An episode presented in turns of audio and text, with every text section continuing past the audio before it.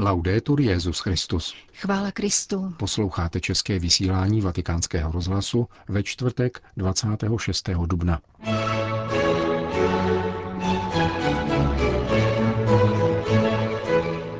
Ježíše nelze překonat, nelze jej použít, kázal papež František při raním v kapli domu svaté Marty.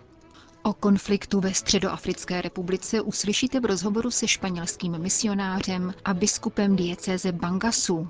Pořadem vás provázejí a hezký poslech přejí Jana Gruberová a Milan Glázer. Zprávy vatikánského rozhlasu. Vatikán. Při raním v kapli domu svaté Marty kázal papež František o sepětí lásky a služebnosti. Podnět si vzal z dnešního evangelia, které podává slova, jež pronesl Ježíš poté, co umyl nohy učedníkům. Svatý otec připomněl, že Ježíš na poslední večeři učil v Eucharistii lásce a zároveň služebnosti, když umyl nohy učedníkům.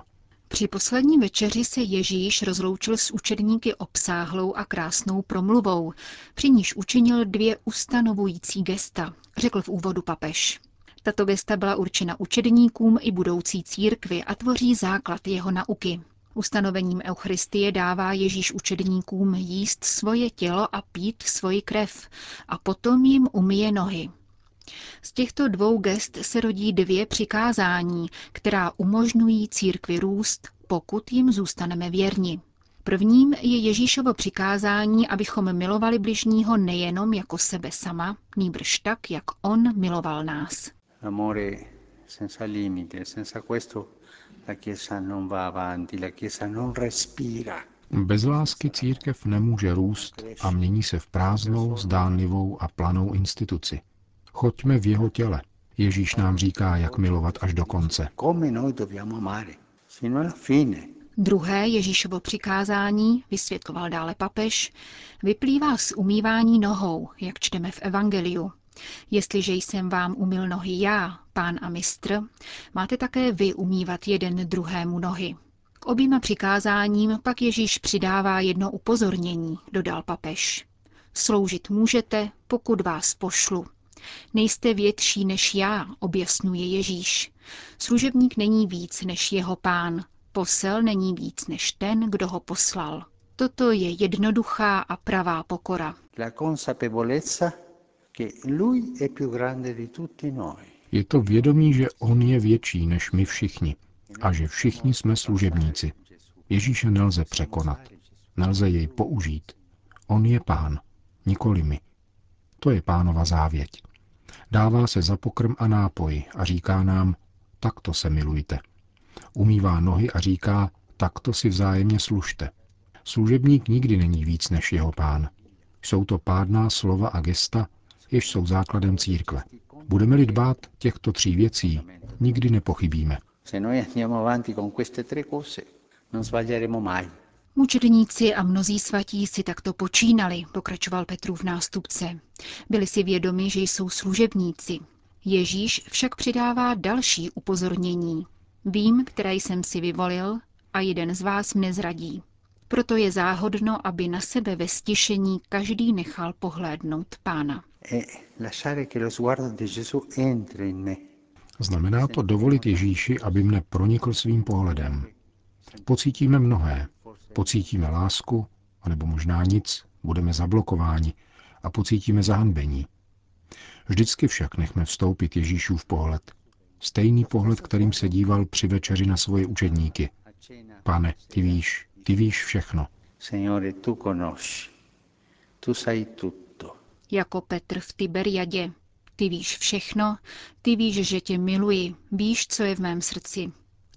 Láska až do konce, končil papež František, je služba. A užijme poněkud vojenský výraz, který se sem hodí. Podřízenost. Ježíš je největší, já jsem služebník. Nikdo jej nemůže překonat. Německo. Bavorský kabinet rozhodl, že od června musí ve všech státních úřadech vyset kříž. Avšak toto nařízení se nikoli všude setkalo se souhlasem. Bamberský arcibiskup Ludvík Šik je ovšem vítá. Je samozřejmě dobré, když na stěnu pověsíme kříž a klademe na něj důraz jako na znamení jednoty, smíření, míru, bratrství a solidarity. Řekl v rozhovoru pro Bavorský rozhlas. Vždy totiž záleží na tom, jak symbol kříže vykládáme, upřesňuje. Lidé, kteří na kříž pohlédnou, se zavazují, že budou žít podle jeho významu. Kříž se vypíná nahoru a klesá dolů. Jeho ramena míří doleva a doprava. A to vše vlastně naznačuje smíření, pokoj a solidaritu. A rovněž překonání rozdílů mezi chudými a bohatými, zdravými a nemocnými, které by mělo být cílem lidského soužití a spolupráce, uzavřel biskup bamberské diecéze. Také bavorský evangelický zemský biskup Heinrich Bedford Strom ocenil vládní výnos a vyjádřil potěšení nad viditelností křížů ve veřejném prostoru. Náboženství totiž nelze vytěsnit pouze do soukromé sféry, řekl evangelický biskup, ačkoliv zároveň varoval před možným politickým zneužitím nejvýsostnějšího křesťanského symbolu. Podle nového bavorského ministerského předsedy Markuse Södera, praktikujícího evangelíka, není kříž křesťanským náboženským symbolem, níbrž přiznáním k bavorské identitě a kulturnímu ražení. Kříž zastupuje základní lidské hodnoty, jako lásku k bližnímu, lidskou důstojnost a snášenlivost, vysvětlil. A dodal, že se nejedná o porušení principu náboženské neutrality. Nařízení o povinném rozmístění křížů v bavorských státních úřadech ostře kritizuje opoziční sociálně demokratická strana, podle které se za krokem vládnoucí křesťansko-sociální unie skrývá předvolební manévr před říjnovými zemskými volbami. Würzburský vysokoškolský kaplan Burkhard Hose v otevřeném dopise vytknul bavorskému premiérovi, že zneužívá křesťanství a vyhraňuje se proti lidem jiné víry. Studenti Řezenské univerzity již ohlásili veřejný protest, pokud by kříže měly být vyvěšeny také na akademické půdě. Bavorská zemská vláda nicméně univerzitám vyvěšení křížů pouze nezávazně doporučila, nikoli předepsala jak tomu naopak je v případě soudních sálů či učeben nižších stupňů škol. Výnos zemské vlády se ovšem týká pouze státních budov v jejím vlastnictví a nevztahuje se na úřady obcí či zemských svazů. Dodejme, že v Bavorsku se k uznávaným církvím hlásí téměř 9 milionů lidí z necelých 13 milionů obyvatel, což je podstatně více než v jiných spolkových státech Německa.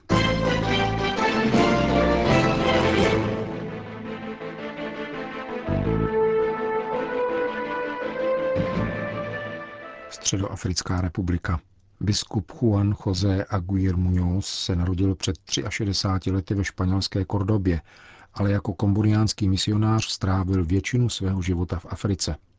Na začátku nového tisíciletí byl jmenován na biskupský stolec ve středoafrické diecézi Bangasu, což je území s téměř dvojnásobnou rozlohou České republiky.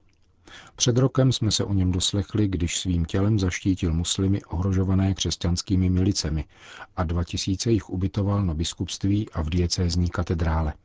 Pro naše mikrofony vypráví o vleklém konfliktu ve Středoafrické republice, který probíhá pod pláštíkem náboženských zájmů, ale jehož hlavním důvodem je těžba drahých kovů. Církev se ujímá obětí války, nehledě na jejich vyznání a čelí neustálým výhrůžkám smrti, před týdnem byl zavražděn jeden z diecézních kněží a před dvěma měsíci vážně zraněn biskupský vikář, potvrzuje monsignor Agir. Prožíváme válečnou situaci, ovšem v úvozovkách, s nízkou intenzitou, tedy válku, o které se nemluví v novinách, protože ti, kteří by o ní mohli informovat a pořizovat snímky, jako nevládní a jiné organizace ze střední Afriky jednoduše odešli. Proto neexistuje žádný obrazový materiál. Je to zapomenutý konflikt, ačkoliv kvůli němu na zem dopadá hodně krve. Tato válka vznikla před pěti lety v severoafrických zemích, kam přišly radikalizované ozbrojené skupiny, placené a formované v zemích Perského zálivu, tedy za petrodolary. Tito žoldáci, nazývaní Seleka, pak přímo z Čadu vstoupili do Středoafrické republiky, kterou doslova zdevastovali – tvoří 14 ozbrojených band, které si mezi sebou nerozumí, ale hodně škodí. Všechny hledají cené kovy, zlato, diamanty, kobalt, mangan nebo koltan. Je dobře známo, že kdo dnes kontroluje koltan, kontroluje také války. protože mnohé součástky zbraní, dronů a raket, včetně řízených střel Tomahawk, se vyrábějí z tantalové rudy. Mnohé války v Africe se tak vedou na ekonomickém základě a náboženské spory jsou pouhou zástěrkou, která má odvést pozornost od skutečných zájmů. Proti skupinám Seleka, které začaly zemi před pěti lety rozvracet, povstaly národní skupiny zvané Antibalaka. Byli to většinou mladí lidé, kteří se ozbrojili, aby národ hájili proti vnějšímu ohrožení, ale pak se také z nich stali zločinci. Teď obě strany bojují proti sobě a obyvatelstvo prožívá skutečně nelehkou a skličující situaci. Katedrála ve vaší diecézi je zavřená a vám bylo opakovaně vyhrožováno smrtí. E ano, to je součást našeho života. Jediným interpretačním klíčem k tomu, co prožíváme, je Kalvárie. Tam také Ježíši vyhrožovali smrtí a on zůstal až do smrti. Nyní tedy my, jeho učedníci, velmi často prožíváme pašie tak, jak je prožíval on. Ujímáme se všech lidí, kteří se ocitli v nesnázích, jsou nemocní anebo utrpěli zranění. V Bangasu jsme se pokusili zachránit 2000 muslimů před genocidou. Uhájili jsme je a odvedli do katolické misie. Požádali nás, jestli nemohou zůstat v semináři, kde jsou pod naší ochranou a dohledem vojáků OSN. Takže teď máme v semináři 2000 muslimů a naši seminaristé museli odjet za studiem jinam. Děláme to všechno, protože to stojí v Evangeliu. Milosrdný Samaritán se ujal onoho člověka, který ležel na zemi a neptal se, zda to náhodou nebyl lupič, jestli je bílý anebo černý, nechtěl vidět jeho pas. Prostě se nad ním sklonil a pozvedl ho. Jako my bereme každého, ať muslima nebo katolíka. Občas narazíme na islámské extrémisty, kteří vyhrožují smrtí. Nedávno zabili jednoho kněze a před dvěma měsíci skoro zavraždili mého vikáře. Ve střední Africe dnes máme radikály, kteří byli vyhnáni ze syrské Raky a kteří přes Líbii vstoupili k nám. Rád bych upozornil na tento aspekt, protože radikalizovaní islamisté skutečně hodně škodí v džihadistických skupinách, jako jsou Boko Haram, Seleka, samozvaný islámský stát a další extremistická hnutí, která všude vznikají. Jak to vše dopadá na místní obyvatelstvo a co pro ně církev dělá? Lidé to snášejí a čekají, až bude konec války. Mnozí nemají kde bydlet, protože ozbrojenci ze skupiny Seleka používali jako, zá... používali jako válečné zbraně také ohně a vypálili velké množství domů. Nadace Kirche in Not nám pomáhá v rekonstrukci celých čtvrtí, ve kterých by se mohly usadit rodiny a kde by s příchodem dětí začala škola. Pro muslimské i nemuslimské děti společně. V Bangasu se církev stará o tisíc sirotků a tyto děti kvůli válce opravdu velmi trpí. Věnujeme se mnoha nemocným v terminální fázi AIDS, pro které navzdory válce musíme neustále hledat léky a spravujeme čtyři domovy, kterým říkáme domovy naděje pro staré lidi obviněné z čarodějnictví. Poskytujeme jim tam azyl a chráníme je tak před jejich okolím. Přece je nemůžeme opustit. Přestože všechny nevládní organizace, specializovaní novináři a další instituce ze střední Afriky odešly, my tu musíme zůstat. Národ, prostí lidé, církev potřebují. Když všichni odcházejí, Církev zháší světlo jako poslední. Středoafrického biskupa v jeho službě nemálo povzbuzuje trvalý zájem a modlitba papeže Františka. Ano, papež si vybral Středoafrickou republiku, aby tu otevřel svatou bránu roku milosedenství. Jeho návštěva byla nádherná. Vnímáme, že na střední Afriku hodně myslí a modlí se za ní. Je to země, kterou má rád. Uzavírá pro naše mikrofony biskup středoafrického Bangasu, monsignor Juan José Aguirre Muñoz.